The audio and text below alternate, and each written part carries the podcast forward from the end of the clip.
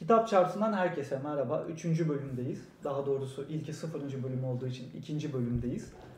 Ferhat hoş geldin. Merhaba Arif sen de hoş geldin. Hoş bulduk abi. Şimdi son bölümün üzerinden iki hafta geçti. Bir şeyler okumuşsundur muhakkak. E, okuyorum. gidiyor okumalar? Okumalar işte geçen yayında da bahsetmiştim. Bu bir iki Amerikalı yazarın kitabını elimden düşürmüyorum. Bu arada Parazit filmini izledim. Şimdi belki bilirsin Umberto Eco'nun double coding denilen bir mevzusu var. Yani bir metin aksiyonu itibariyle bir şey anlatır. Onun altında da sen alt metin olarak başka bir şey anlatmaya çalışırsın. Hı hı.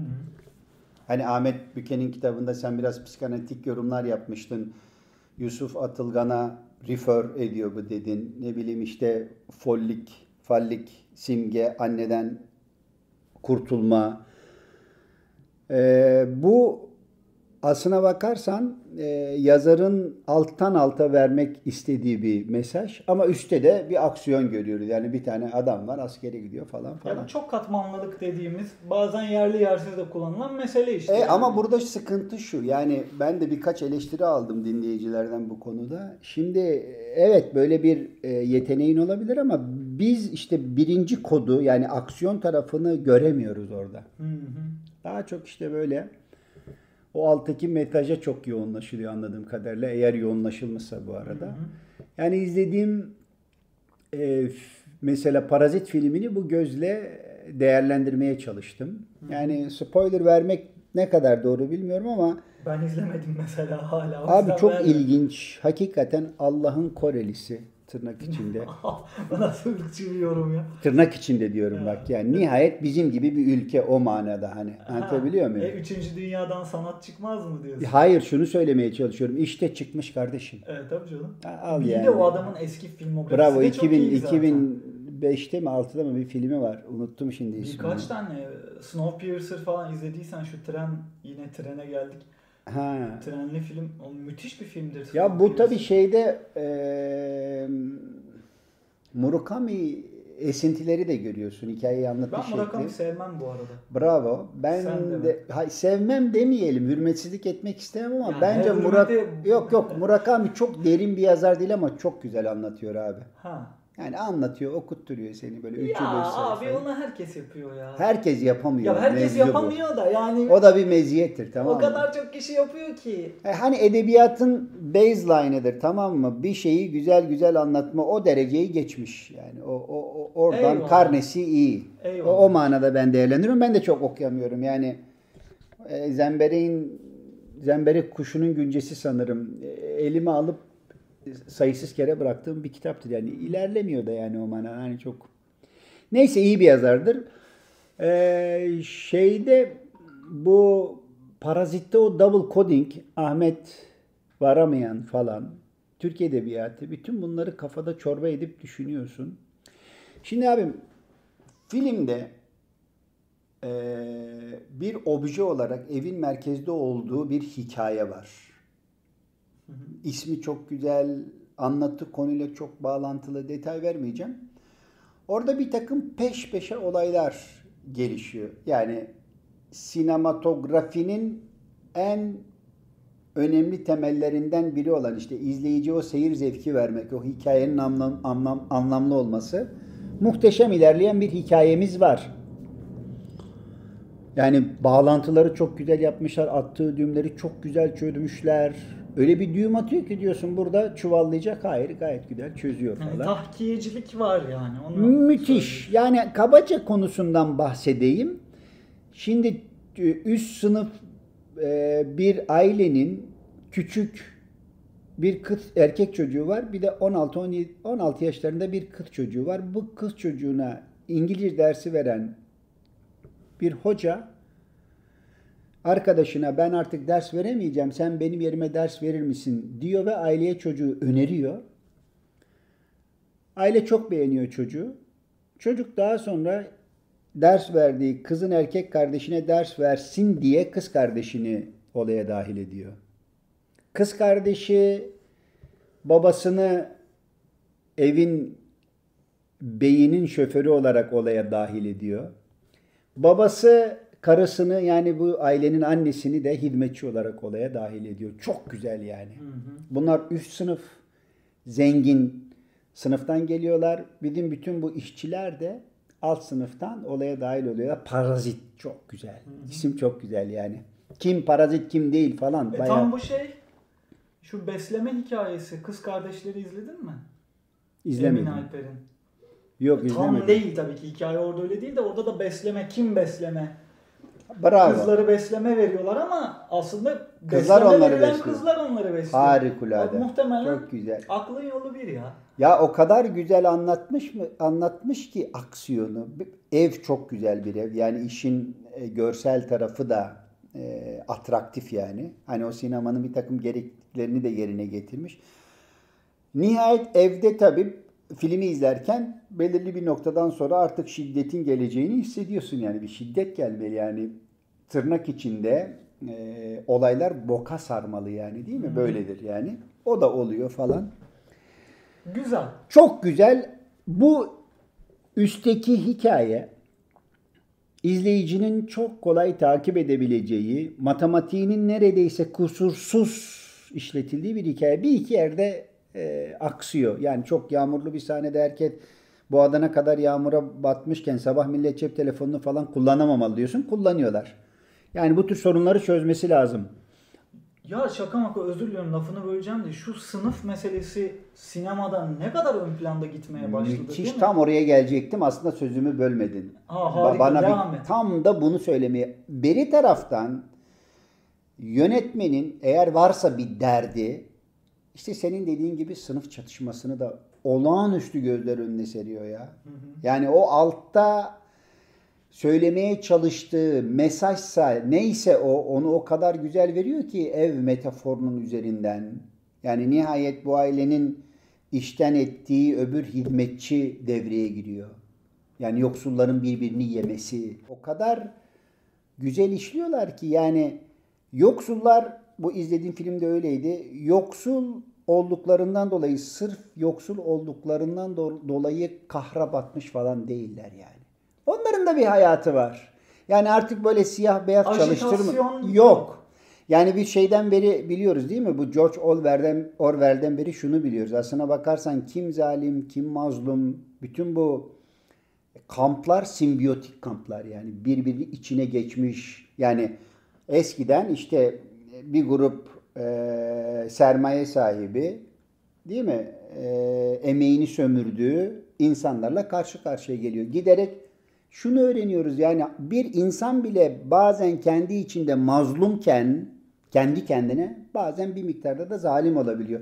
O açıdan da siyah beyaz göstermiyorlar yani bu da güzel. Orwell'in hangi eserine referansla söylüyorsun? Bu 1984'e referansla söylüyorum. Yani artık orada kim zalim, kim mazlum, kim kime zulmediyor böyle gidip geliyor mevzular öyle yani. Öyle mi diyorsun? Ben Bence öyle... 1984 çok kör parmağım gözüne hocam. Eyvallah. Eyvallah. Şunu söylemeye çalışıyorum. Yani benim e, parmak basmaya çalıştığım mevzu şu. Hani bu filmler sınıf çatışmasını dikkate alarak film çekiyorlar. Yani çok bildiğimiz ezberler üzerinden de anlatmıyor meseleyi. Yani bir neye alışmıştık biz? E, Türk Edebiyatı'nda da çok vardır. Yani yoksul bir aile görürsen her tarafıyla yoksul bir hayat yaşar. Ya bunlar Kemalettin Tuğcu hikayesi bu, gibi. Mahvolmuşlardır yani. Veya işte diyelim ki bir Kürt mevzusunu işleyen e, yazarlarda da çok vardır bu. Yani artık, artık acının pornografisini yapıyor yani. Ya hayat böyle değil ki kardeşim. Hayat bazı zamanda işte yoksulların da güldüğü, eğlendiği kısmen. Bir de yoksulların bir şey kendi yani direniş taktiklerini üretmesi gibi bir şey söz konusu. Yani yoksulluğu sen tamamen kurbanlaştırırsan Bravo. onun failliğini yok saymış olursun. Aynen öyle. Halbuki bütün yoksullar egemenlerin stratejilerine kendi taktikleriyle cevap verir. Hiçbir şey yapamıyorsa şey bile bir direniş taktiğidir mesela. Ee, kamu malına zarar vermek. En lümpeni bile en kötüsü onu yapar. Veya şey şu Barda filmindeki evet. şey gibi. Oradaki o vandalizm gibi yani. En kötü ihtimal kendisi çarpık algısıyla dahi olsa düşman bellediği o sınıfı bir şekilde algılar ve ona karşı bazı cevaplar üretir. Bir belirli direnişler üretir. Bun, bunları görmek lazım. Ya işte bu bu bu tür e, üzerinde özenle düşünülmüş diyelim eserleri gördüğün zaman roman, öykü yahut da sinema filmi diyeyim. O zaman mecburen dönüp diyorsun ya biz kendi edebiyatımızda, Türkçe edebiyatta neler yapıyoruz yani. Bunun üzerinde kafa patlatmaya çalışıyoruz. Şu çok enteresan değil mi ama yani tamam edebiyatın şöyle bir e, dezavantajlı yönü var. İlk çıkan bir kitap ilk çıktığında diyeyim daha doğrusu eğer ki Amerikan edebiyatından, İngiliz edebiyatından vesaire değilse çevrilmesi epey zaman alıyor keşfedilmesi. Hatta hala çevrilmeyen çok büyük başyapıtlar var Türkçe'ye. Buna karşın yine de bunu da göz önünde bulundurarak bu kadar fazla iyi sınıfsal temeli olan film çekiliyorken şey de bunlardan bir tanesiydi mesela Roma. E, hmm. Cuarón vesaire vesaire. Sınıfı anlatan büyük eser son zamanlarda bir Latife Tekin'in Manveş sitesi çıktı. Hani sınıfı anlatacağım ben diye bir büyük roman yazma gayretini bir o sergiledi. Onun dışında böyle bir sınıf çatışmasını ele alan roman hatırlıyor musun? Yerli, yabancı. Ya sinemada vardı, edebiyatta sanki böyle bir şey Tam ben de bilmiyorum. Yok, yok doğru yok, söylüyor. Vardır gelmiyorsa yani. yoktur. Hayır, hayır bilmiyor olabilir mi? Hayır şöyle ben? Kolombiya edebiyatında belki birileri yapmıştır. Oranın Ferhat Emen'i yapmıştır da çevrilmemiştir. Bu, bu, bu yönüyle temayüz etmiş e, yazarlar dediğin gibi Latife Tekin bir miktar o meselelere kafa yoruyor. Onun haricinde ben de şimdi sorunca anımsayamadım. Ya ben yani. görünce öpüp başıma koyuyorum işte Zeynep Uzunbay'la geçen o, o ben o yüzden oturdum konuştum ona o kadar hürmet gösteriyorum ve bir şekilde daha fazla daha fazla okunsun istiyorum. Başyapıt mı yazıyor? Belki de değil ama gerçekten sınıf var işte. Hem de tam da kastettiğim gibi mesela bir şey e, bir tane eksikliklerden bir tanesi de o bahsettiğim gibi karakterlerin ete kemiğe büründürmesi yani sınıfı bir kavram olarak almaktan çıkarıp ete kemiğe büründürmek ve varyasyonlarını sınıf, ele koymak sınıf, lazım. Sınıf e, dediğin lanet aslında dünyadaki her bir bireyin başının belası yani böyle Kesinlikle. hepimizin hissettiği, her an hissettiği belki günlük hayatta sayısız kere maruz kaldığımız bir mevzu yani. Bize nerede durmamız gerektiğini hatırlatan bir sürü küçük Ve günlük olay yaşıyoruz farklı yani. Farklı cevapları oluyor. Herkes yani bu böyle bazı insanları ilgilendiren bazılarının bu işten bağımsız olduğu bir, bir mevzu değil yani. Hı-hı. Çok önemli bir mevzu yani. Herkes her gün yaşıyor yani. Hı-hı. Sokağa çık. Hı-hı. Çarşıda bin tane örneğine denk gelirsin yani. Hı-hı.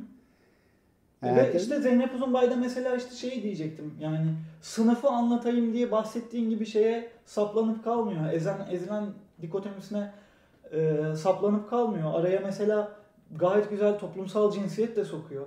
Eşcinsellik de dahil olmak üzere. Eşcinsellik eşcinsel olmayanların neredeyse hiçbir zaman yazmadığı bir şey biliyor musun? Çok enteresan yani Türkiye'de. Halbuki hmm. bu toplumun nereden baksan yüzde onu açık veya gizli eşcinsel. Tamam mı? Biseksüel, fark etmez, trans. Yazarlarsa da sanki o eşcinseller sınıfsal bir şey yaşamıyorlarmış gibi yazıyorlar mesela.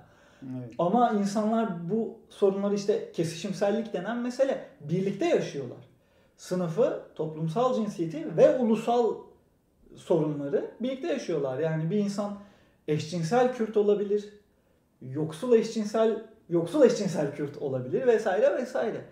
Bunların her birinin de e, sorunları farklı. Bunların her birinin üreteceği cevaplar farklı. Ya sanırım farklı. şunu söylemeye çalışıyorsun. Yani Türkçe e, edebiyatı bir üretim hattı gibi düşünürsek buradan çıkan ürünlerin toplumun hakiki dertlerini hangi oranda yansıttığı ile ilgili bir çalışma yapılsa çok tuhaf sonuçlar elde edilir yani. Yani diyelim ki bu toplumda yoksulluk yüzde 93 atıyorum e, lık bir sosyolojinin başının belasıysa o zaman yaratılan eserlerin yüzde 93'ünün yoksullukla ilgili olmasını beklersin ya kabaca bir şey söylüyorum yani. Hı hı. Yani öyle bir takım eşleştirmeler öyle yapsan. çakışma zaten yok. Bir evet. de yani ahlakçılık. İlginç sonuçlara ulaşırsın Ahlakçılık yani. Gerçekçiliğin ama tam manasıyla gerçekçiliğin önüne çok geçiyor. Gerçekçiliğin önünde gerçekçiliğin içinde ahlak olmaz diye bir şey yok aslında ama ahlakçılık gerçeği tamamen perdelerse bütün o işte inişleri, çıkışları, pürüzleri, farklı taktikleri perdelerse şöyle bir şey ortaya çıkıyor. Benim bir arkadaşım çok da sevdiğim bir arkadaşım bir öykü yazmıştı bir gün. Bir öykü değil birkaç öyküsünü okuttu bana.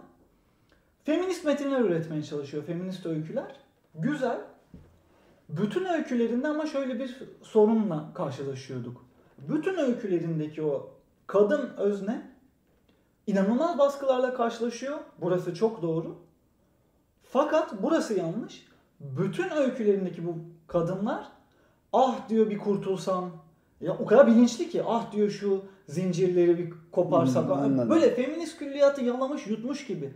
Babalarının ne mal olduğunu biliyor bu insanlar. İşte ne bileyim erkek arkadaşlarının tacizinin veya istismarının farkında falan. Halbuki bu kadar da değil. Veya farkındalar ama hayatta kalabilmek için bazı gerçekleri görmezden gelmek zorunda kalabiliyorlar veya farklı şekilde anlamlandırmaya çalışabiliyorlar vesaire. Ama o süreç içerisinde yine bilinçlenebilirler şunu, veya yine direnebilirler. Şunu Bu belki, imkanı kaçırıyordu. İşte didaktik Didaktik evet, evet. didaktik yere var. Yani e, bir tane arkadaşım var benim bu söylediğin konular onu aklıma getirdi. Yani o öyküde anlatılan kahramanlar yok toplumda yani öyle. Evet. Şimdi benim annem de 15 yaşında evlenmiş kardeşim. Dışarıdan baktığın zaman iki boyutlu evet babamın annemi taciz ettiğini veyahut da annemin bu evliliğe zorlanmasında kim etki sahibiyse onların annemi taciz ettiği söylenebilir ama annem taciz edilmiş bir kadın falan değil yani. Anlatabiliyor muyum? Yani feminist perspektiften baktığın zaman hakikaten hayatı belki de mahvedilmiş bir kadın söz konusu ama gerçekten baktığın zaman anneme benim annemin hayatını falan mahvedildiği işte söylenemez. İşte onu bilmiyoruz. Söylenemez mi bilmiyoruz ama nasıl söylenebileceği üzerine araştırmak Hayır, şunu, lazım. Şunu, şu, şu, kendisi mahvedilmiş bir hayatı yaşayıp yaşamadığının farkında olmayabilir. Hah. Onu anlatmıyor. Hah. Onu anlatmıyor. Oradan metinden sana saldırıyor. Sen mahvoldun, perişan oldun, satıldın bilmem ne. Öyle değil. Hayatın kendisi öyle değil. Yani insanlar öbür türlü bu kadar bilinçli. Yani 40 yaşındaki bilinçle doğsan abi hayata tahammül edemezsin ki. Doğru. İntihar edersin yani. Doğru. Şey enteresan bu noktada. Yani belki romanla öyküyü ayırmak lazım. Öyküde bu meşhur şey aforizması vardır ya. Romanda sayıyla kazanabilirsin işte boks maçı analojisi. Cortazar'ın lafıydı herhalde. Hmm. Romanda sayıyla kazanabilirsin ama öyküde knockout'la kazanmak zorundasın o güzelmiş, diye. bilmiyordum. Öyküdeki işte o knockout'un o muhteşem ahlakçı yerden geleceği yanılsamasına ha, kapılarak insanlar Olabilir. öyküde biraz daha bu patlatmaya fırsatları çalışıyor. kaçırıyor olabilirler tabii, galiba. Tabii. Yani o da büyük ustalık ister tabii yani. Gerçekten büyük ustalık. Yani Peki sana şeyi soracağım mesela sınıf bu işin bir yerinde. Ama mesela şeyde diyoruz ya çok da doğru bir şekilde herkes de söylüyor. İçerik, biçim ve dil uyumu diye de bir şey olması lazım. Bu gerçekçiliğin beyaz sınıfın sınıf illa gerçekçi biçimde gerçekçilik akımı içerisinde yer almak zorunda değil ama nasıl bir dil tutturulur sınıf söz konusu olduğunda? Ya şimdi ben dil kelimesinin geçtiği tartışmalardan biraz ürküyorum yani. Yani şeyde röportajda birisi dil, dilim böyle, dil öyle, dil böyle dediği zaman veyahut da işte eseri, romanı, öyküsü bu yönüyle çok ortaya çıkmışsa bir böyle dile hürmetsizlik etmeyeyim diye böyle bir uzak tutuyorum kendimi. Çünkü sanki şöyle bir şey Arif. Şimdi sen aklıma gelmişken söyleyeyim. Egzotik hayvan sahiplerinin hikayelerini bilir misin? Yok. İşte diyelim işte dünyanın en dehirli yılanını bulmaya çalışıyor falan. Evinde böyle bir tür kafes vardır hmm. onları besliyor ya da tarantula, besliyor. Evet ne bileyim yani bir tane masası var böyle cam mekan yaptırmıştır. İçinde bir havuz var orada dünyanın en dehirli ne hangisiydi o? Kutu deniz anası vardır. Çok küçük böyle dehirli e, şeyleri vardır. Kolları falan. Allah Allah. Onu besliyor falan. Belirli bir süre sonra abi bunlar o hayvanlarla tuhaf bir ilişki içine giriyorlar yani. Zannediyorlar ki benim bu hayvanla özel bir iletişimim var. İşte e, internetten Amerikalı kadın araştırıyor diyor ki şeyde Filipinler'de filanca yılan türünün en nadide dehirli pazarı var. Kalkıyor oradan bin tane yolculuk falan tehlike gidip alıyor malıyor onu. Böyle delirmiş tipler bunlar. Hı. Genellikle yalnız yaşıyorlar. Getiriyor bunu seviyor. Sonra buna söylüyorlar işte etrafındaki insanlar işte bu profesyoneller dikkat et ya bu yabani bir şey yani sokar seni falan. Yok yok diyor. Kendi kendine diyor. Bu diyor ben onunla özel bir diyalog geliştirdim diyor falan. İşte önce eldivenle besliyor. Tek eldivenini çıkarıyor. Sopa kullanmamaya başlıyor. Yılanın başını okşuyor falan. Sonra sokuyor diyorsun. Ha, belirli Herhalde bir süre sonra işte e, Mary'nin annesi telefon açıyor. Telefon çalıyor çalıyor. Mary cevap vermiyor. Baba da arıyor. Vermiyor falan. Yani bunlar biraz da rahat tipler. Gavurların çocuklarını çok böyle önemsemez ya. Normal zannediyorsun 3-5 hafta falan. Neyse cevap gelmeyince Mary'den onların böyle kibrit kutusu şeklinde evleri olur. Belki bilirsin böyle. E, Kimlerin? Amerikalı. Bu, bu yok bu hayvan sahiplerinin hmm. biraz böyle kırda mırda yaşarlar böyle değişik ha. yerlerde falan. Yani etraflarında çok insan banyo olmadığı ya, için banyo ya. Işte. Kapıyı bir açıyorlar ki o yılan sokmuş tıs, bir yılan var böyle kenarda. Mary orada ölmüş, kupkuru olmuş falan. Çünkü giderek o yabani hayvanlarla patolojik bir ilişki geliştiriyor yani. Hayvan çok güzel, çok egzotik, çok özel. Zannediyor ki bu hayvan bana alıştı. Hı hı. E, Türk Edebiyatı'nda insanların dile yaklaşımı da böyle yani. Dili önce bir alıyor, seviyor. Tamam mı? Dil bana dokunmaz diyor. Halbuki dil yabani, hayvani bir şey yani. Onu sokacak haberi yok. Dille yani sen böyle tuhaf dilin... dili ehlileştirdiğini varsayıyor. Dilin kendisine bir şey söylediğini varsayıyor. Dilin haberi yok senden kardeşim. 250 milyon yıllık evrilip duran yabani bir şey. Seni seninle özel bir ilişki kurduğu falan yok. Sen öyle patolojik bir ilişki kuruyorsun ya. Bizim edebi, edebiyatımızdaki tiplere baksana. Yazdığı metni okuyup ağlayan var ya. Ya abi Türk Edebiyatı'nın çok önemli kilometre taşlarından birisinin nasıl büyük bir yazar olduğuna dair anekdot anlatıyordu o gün birisi. İsmini vermeyeyim adamın cebinde 20-30 lira para var. Evde de çocukları mı yeğenleri mi aç para bekliyorlar. Herif günlük parayı kazanmış eve gidecek yazar bu. Kırtasiyenin önünden geçerken Lan diyor bununla yemek mi alayım, teksir mi alayım? Yemek mi alayım, teksir mi alayım? Yemek mi alayım? Te Gidip teksir alıyor, çocukları yemek götüremiyor. Bak adam hasta. Anlatabiliyor muyum? Yani bizim bunu anlatan edebiyatçımız da bu herifin nasıl büyük bir edebiyatçı olduğunu falan anlatıyor. Ya kardeşim metinde böyle taşma sapan bir ilişki kurabilir misin ya?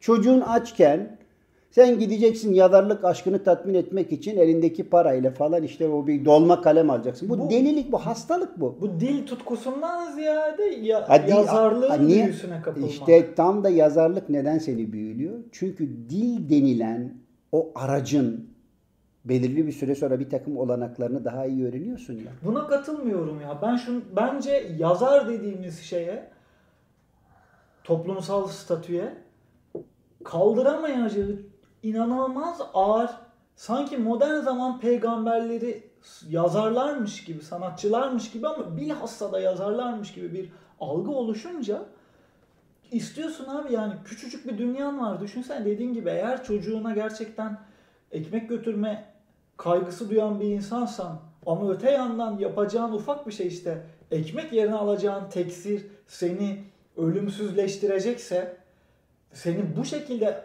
anlattıracaksa yapabilirsin ya. Değil de bu düşüncelerini besleyecek komplekslikte bir şey. Adamın hamuru çok güzel. Neden ama? Bak nedenini de kısaca bir açıklamama izin verir misin? Neden? Şimdi abi e, aşağı yukarı ilk memeli 250 milyon yıl önce ortaya çıktı değil mi? Hı hı. Yani 300 diyen var, 600 diyen var, 240 diyen, 250 milyon yıl önce Eyvallah.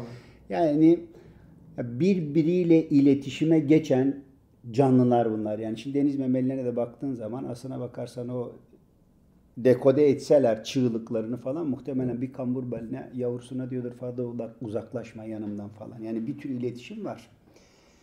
milyarlarca e, üyesi olan bir biyolojik toplam dili evirip çevirmeye başladı. Nereye kadar işte günümüze kadar değil mi? İşte bundan 6 milyon yıl önce de primatlar ikiye ayrıldı. İnsanımsılar falan maymunlar. Ondan sonra işte 1000-2000 milyon yıldır da alet yapıyoruz biz. 250-300 bin yıldır da bizim gibi insanlar dünyada yaşadı, yaşıyorlar. İşte ne anlatırlar falan. Bunlar sürekli iletişim halindeler değil mi? Dil dediğin şey böyle yavaş yavaş çeşitleniyor, gelişiyor, kompleks halini alıyor. 60-70 bin yıldır Hariri bunları çok güzel anlatır yani. 60-70 bin yıldır da sanal düşünme sıçramasını yaptığı için de bu hale geldik. 10-12 bin yıl önce tarım devrimi, 5-6 bin yıl önce yazı falan dil böyle 250 milyon yıldır gelişip duran milyarlarca bireyin katkı sunduğu ultra kompleks bir yapı değil mi abi? Hı hı. Yani bunun senin bununla oynama imkanın yok. Bak James Joyce'un kitabını Türkçe'ye çeviren Nevzat Erkmen miydi? Bir çevirisi daha çıktı. Ha, tabii bir şey. Nevzat Erkmen'in sanırım Ulysses'i anlama kılavuzu diye daha ebatlı bir kitabı var. Yanlış hatırlamıyorsam. Yani kafasından, işkembesinden sallamış falan değil. Bütün o referansları gösteren, vay anasına dediğin bir e, izlek söz konusu. Böyle bir şey yapmışsan eyvallah. Onun haricinde ben estetik kaygılarla bunu yaptım, böyle yaptım, ha sen de ne anlarsan anlat diyemezsin. Zaten günümüzde hikaye anlatıcılığı buradan saptı bu. Geçen yüzyılın işte İngiltere'deki o böyle melankolik, bohem bohem tiplerin yadıp eti denedikleri şeylerdi. Şimdi geçti abi bunlar. Ya bu dil oyunuydu. Alt tarafta efendime söyleyeyim göndermelerdi, mecazlardı, sembollerdi. Dil dil dil dil hayır. Bir de abicim çok hikaye var. Her taraf hikaye kaynıyor ya. Çok hikaye vardan ziyade galiba gerçekten Abi Rabia Naz denilen bir hikaye var. Bunun gibi milyonlarca Türkiye'de hikaye var ya. İstediğin malzemeyi sana sunuyor. Birey güç ilişkisini sunuyor. Siyasetin nasıl kirli aletle bir alet olabileceğini sunuyor. Ya toplumun olaya bakışını sadece incelesen çok tuhaf ya. Hı-hı. Ya otopsi raporları var. Sadece otopsi raporlarını konu edinen bir roman yazarsın ve çok ilginç olur. Binlerce detay var. Görüyor musun sen ilgilenen? Ya bu edebiyatçıların da ilgilenmesi gereken bir mevzu değil mi abi? Ya edebiyatçılar bu tür şeylerle ilgilenmeye çalışıyorlar. Göster Aslında abi ben ona bilmiyorum. Uygun, işte ona uygun henüz tekniğe sahip değiller. Yani geziyle ilgili bir şeyler yazmaya çalıştı insanlar, geziye katılanlar. Gezi güzellemesinden şey başka bir şey değil çıkmadı. abi. Abi ne yapsınlar? Çünkü onun zihin yetenek, dünyası öyle çalışıyor. Yetenek de ayrı bir şey. Çok güzel bir yetenek noktaya geldin şey. yani. Konu önermek Geziden mesela... iğreniyorsun ya o kitabı okuduğun zaman. Gerçeklikle bağını koparmış.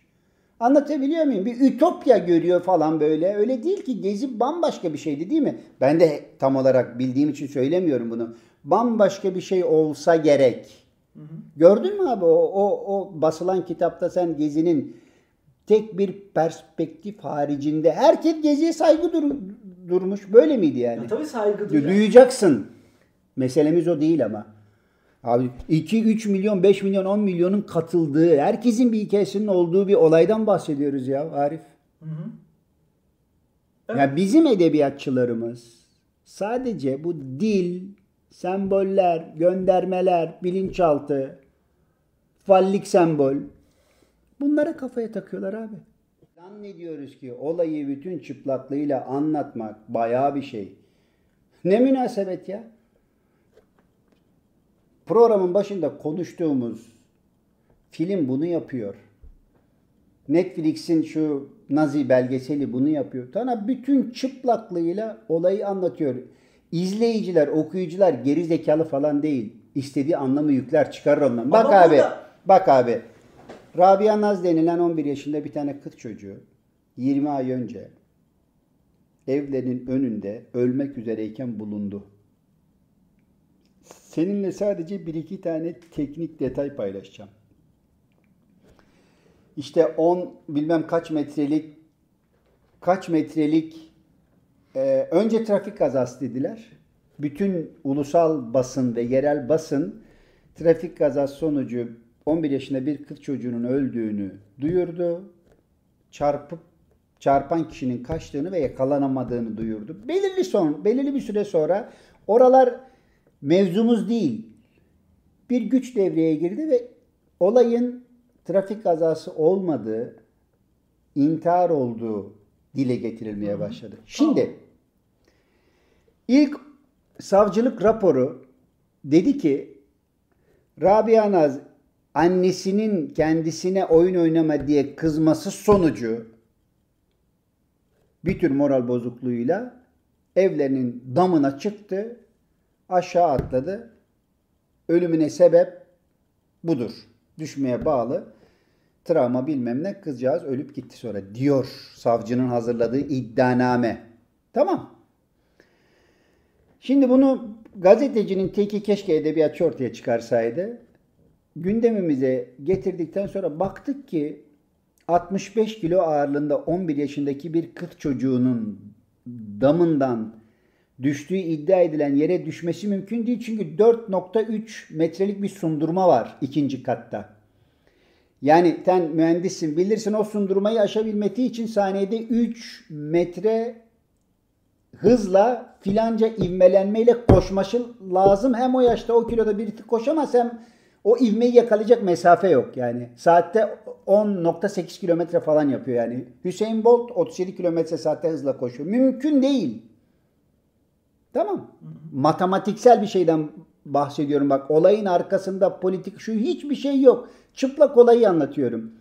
Nihayet kamuoyu ikna edilemeyince bundan 10-15 gün önce ilk iddianame unutuldu.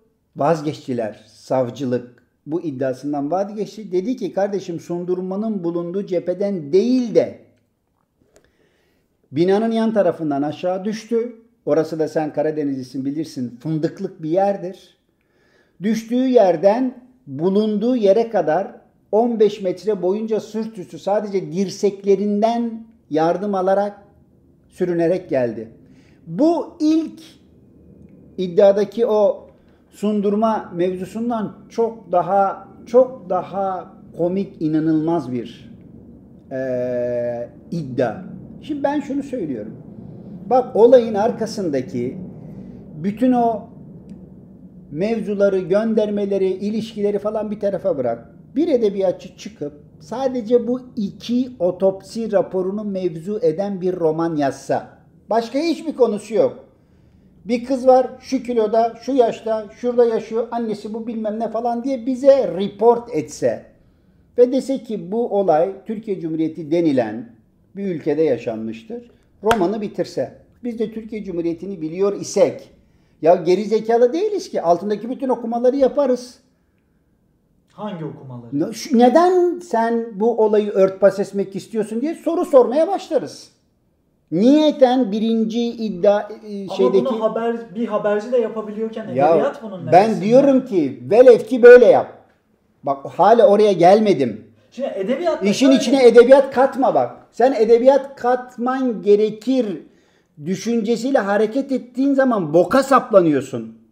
O zaman işte semboller bilmem ya bir dakika sakin ol abi edebiyat koyma içine dur sen bunu bize böyle bildiğin çıplak polisiye bir vaka gibi anlat. Ben buradan Türkiye hukuk sistemine giderim. Türkiye İçişleri Bakanlığı'nın kurduğu polis teşkilatına giderim. Giderim de giderim. Siyaset şeyine giderim. Üst yapısına giderim. Giderim ya günde binlercesi tekrarlanan bir ritüelden bahsediyorum. Adam gelip Rabia Naz'ın babasına ben senin kızına çarptım deseydi ne olacaktı yani? Hiçbir şey olmayacaktı. Bir iki ay hapis cezasıyla falan. Ya keşke yavaş gitseydin kadermiş falan diye. Öyle değil mi? Çarp gerçekten kaza olsaydı. Yani trafik kazalarının romanlaştırılabilir Hayır bak olma ben açısından çok verimli olduğu bir ülkedeyiz. Abicim Sinan Çetin'in oğlunun meselesi gibi bravo, bir şey. Bravo. Olay bak olay tuhaf tuhaf bir hale geldi ya. Ben onu anla. İşte bize bir edebiyatçı çıksın. Bunun gibi yüz binlerce olay var bak. Çıksın ya bunu bir anlatsın. Sen görüyor musun? Görüyorsan de ki abi ben gördüm. Şu gariban öykücü, romancı bak senin dediğin bir konuyu yatış. Ben göremiyorum ya. Yapanlar da sanki böyle niteliksiz, kıymetsiz bir şey yapıyorlarmış gibi algılanıyorlar. Belki de bundan korktuğu için onu bir roman veya öykü formatında dile getirmiyor. Ya az çok çabalayan insanlar var. Ee, çok da hak yemeyelim. Gözden kaçanlar da oluyor ne yazık ki. Tamam gözden şey, kaçanlar da Ayhan oluyor. Geçkin son adımda şeyi yazdı. Beyaz Toros meselesini yazdı mesela. Yine göndermelerle mi yazdı abi? Fena değildi bence. Var, Eğer öyleyse var, alternatif okumaları var ama bu edebiyatı derinleştiren bir şey. Şey demeyelim. Bence abi bir derinleştirmeden bir sığ yerinden bir girelim bu işe. Ondan sonra derin insanlar denesinler ya. Allah Allah yani. Ne bileyim Rabia Naz olayını savcının gözünden yazmak ayrı bir şeydir. Oradaki sokak kedisinin gözünden yazmak ayrı bir şeydir. Kırmızı pazartesi gibi herkesin bildiği bir cinayet şeklinde Ya abi bütün bunlara bir, şey. bir girme. A'sını, B'sini, C'sini bir göster abi bize. Bak sen hala yine diyorsun ki sokak kedisinin gözünden. Abi e, iyi de edebiyat bu hocam edebiyat bu. Bazı insanlar normali gösteren Sen yok ki. ki ben böyle bir okurum herkes de böyle Bak, yazsın. Tamam. Böyle değil Bak ki. normali olsa Herkes sokak kedisinin gözünden anlatıyor edebiyatçıların. Anladın mı? Mevzu bu. Olabilir. Çık kardeşim Metin Can gibi gazeteci soğukkanlılığıyla böyle böyle böyle oldu de. Çünkü o Metin Can dediğin adam bir gazeteci. Sen evet. edebiyatçısın ya. Belki ha. daha güzel e cümlelerle. Yap abi. Bravo. Bravo. Onu konuşuyoruz işte. Yapacağım mı diyorsun? Ya, ya bu şeye döndü abicim. Milli maç izliyorduk. Orada filanca adam topu yanlış veriyor eleştiriyor. E sen çık oyna mesela. E, iyi de o topçu değil ama sen yazalım Tamam ama bunlar ya. bak bunları bir, bunları bir konuşabilelim. Aha. Dile getirebilelim. Belki bir tane adam da etkilenir çıkar abi ben yazayım der yani. Konuşulmuyor bile. Onu ben şuna katılmıyorum. Bence insana çıplak gerçekliği yazarak başlayayım, aman iddialarımdan vazgeçeyim demesinler. Rabia Naz'ı yazarken çok çarpıcı meseleyi gazeteciliğin açıklayamadığı, akademinin açıklayamadığı, psikolojinin açıklayamadığı bir yerinden ele almak zorunda hissetsinler. Bence bu verimli bir çabadır. Şunu söylememe izin ver lütfen. Bence sen herhangi bir adli vakayı bütün çıplaklığıyla ve teferruatıyla yazabilirsen zaten dediğin bütün o niyetlerini başarmış olursun. Ya Çok hayır. önemli, kendimce önemli bir şey söylemeye çalışıyorum bak. Mesele şu.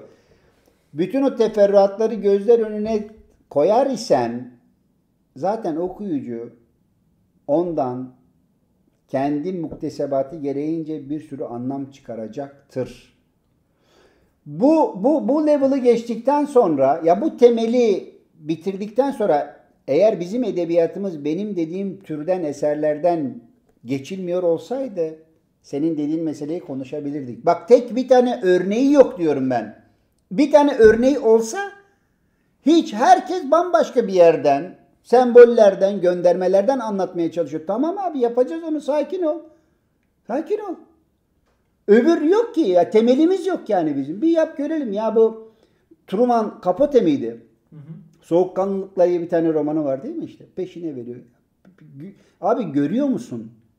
Yani bir edebiyatçının gazeteci dürtüleriyle sahaya inip bir meseleyi bütünüyle ele aldığı bir roman vardır bak.